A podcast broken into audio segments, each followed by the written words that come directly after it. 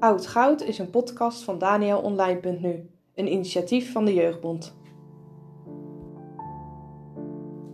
Iedere maand schrijft Gerben van der Wulp, docent Engels en redactielid van Daniel, in Daniel over een tekst uit de geschiedenis van de kerk. In deze podcast vertelt hij over de achtergronden. Wat maakt het lezen van christelijke schrijvers van vroeger waardevol? En wat hebben ze jou te zeggen?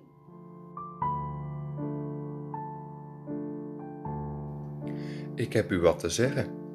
Met deze woorden deed Ruil intreden in zijn derde gemeente, Helmingham in Suffolk. Deze woorden zijn meer dan waar geworden. En zijn nog steeds waar. De inhoud van de bediening van J.C. Ruil is goed samen te vatten met het volgende waargebeurde verhaal. In zijn vierde gemeente, Stradbroke, leidde J.C. Ruil de verbouwing van de All Saints Church. Als een ware architect. Boven de preekstoel liet de ruil aanbrengen de volgende woorden.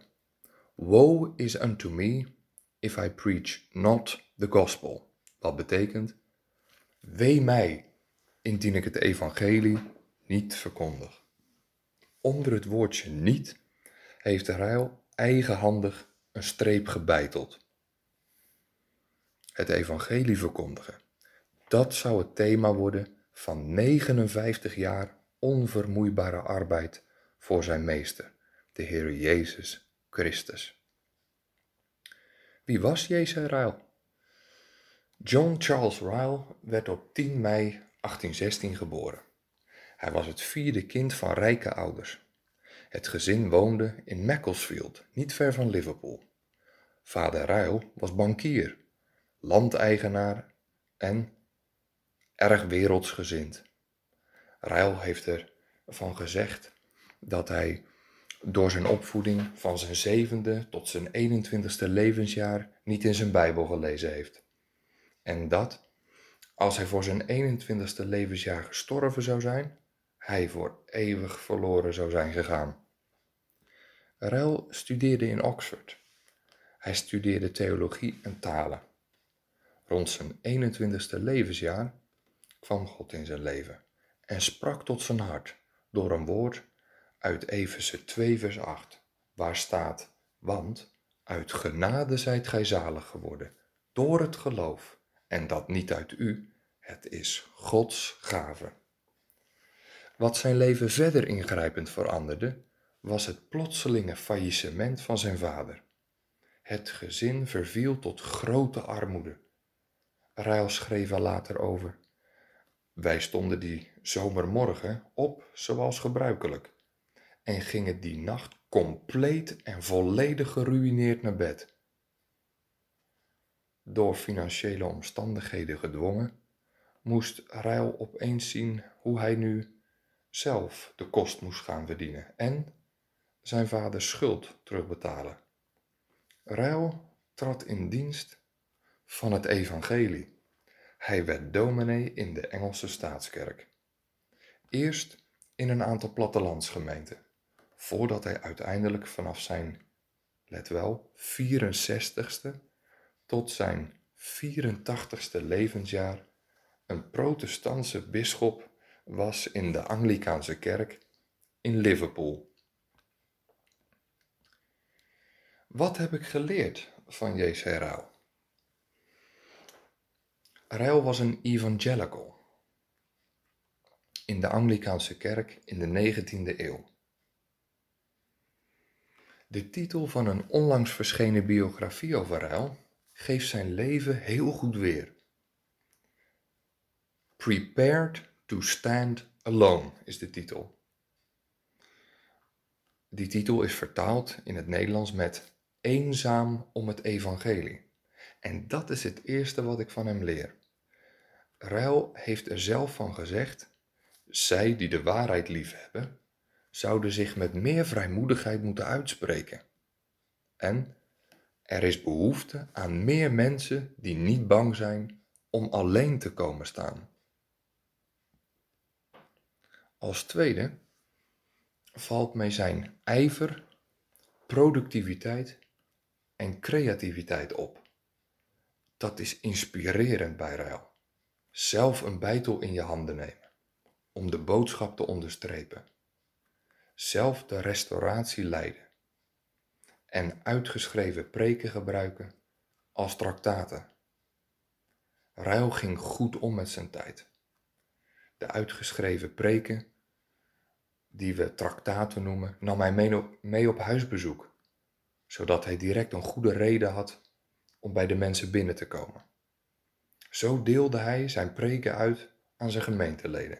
En wanneer hij genoeg traktaten had over eenzelfde onderwerp, kon er mooi een boek van gemaakt worden.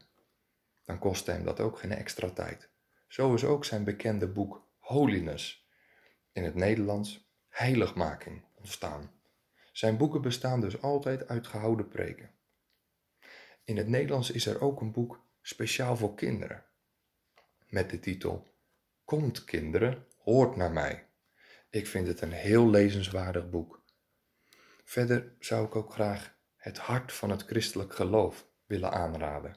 Het bestaat uit twee delen en gaat over hoofdpunten uit het christelijk geloof. Het derde wat ik heel mooi vind aan Ruil is dat hij zo'n enorm toegewijde vader was. Ruil is wel driemaal getrouwd geweest en tweemaal bleef hij achter als jonge weduwnaar. In 1860 bleef hij na het sterven van zijn tweede vrouw achter met wel vijf jonge kinderen. In de laatste jaren van het leven van zijn tweede vrouw moest Ruil zijn drie jongens elke avond vermaken. Zijn zoon Herbert, of Herbert, heeft van zijn vader gezegd dat hij zich geen bars woord van zijn vader kan herinneren. En dat zijn geduld bijna eindeloos was met hen. Als vierde, wat mij aanspreekt bij Ruil is zijn liefde voor het lezen. Ruil zegt er zelf van, de mensen moeten lezen. Alleen door te lezen blijft iemand een vat dat goed gevuld is. Ruil heeft ook nog leesadvies. Vergeet nooit, zo schrijft hij, dat als het gaat om het samengaan van gezonde leer, geestelijkheid en geleerdheid, de Puritijnen de meest vooraanstaande Engelse godgeleerden waren. Neem kennis van de Puritijnen, zo schreef hij eens. En ook, als het om theologie gaat, is de oude wijn beter. Als vijfde en laatste wil ik nog vermelden dat Ruil een echte kindervriend was. Ruil preekte voor kinderen, schreef voor kinderen en speelde met kinderen als hij ze tegenkwam op straat. Een spelletje cricket of een wedstrijdje hardlopen werd door hem georganiseerd, waarna de winnaar op snoep werd getrakteerd door Ruil. Dat had hij altijd bij zich in zijn zakken, mocht hij kinderen tegenkomen op een van zijn wandelingen. De opvolger van Ruil in Liverpool heeft in een in memoriam gezegd dat Ruil een man van graniet was. Ruil had een imposante verschijning. Hij was heel lang en heel zwaar. Hij omschreef hem verder als iemand met het hart van een kind. Dat is een prachtige omschrijving van deze knecht van God, die tot op de dag van vandaag tot grote zegen is geweest voor de kerk over de hele wereld. Deze keer ging het om iemand die bisschop genoemd werd en ook was. Volgende keer zal het gaan over iemand die nog steeds liefdevol vader genoemd wordt. We gaan het volgende keer hebben over dominee W. Abrakel, de schrijver van de redelijke godsdienst.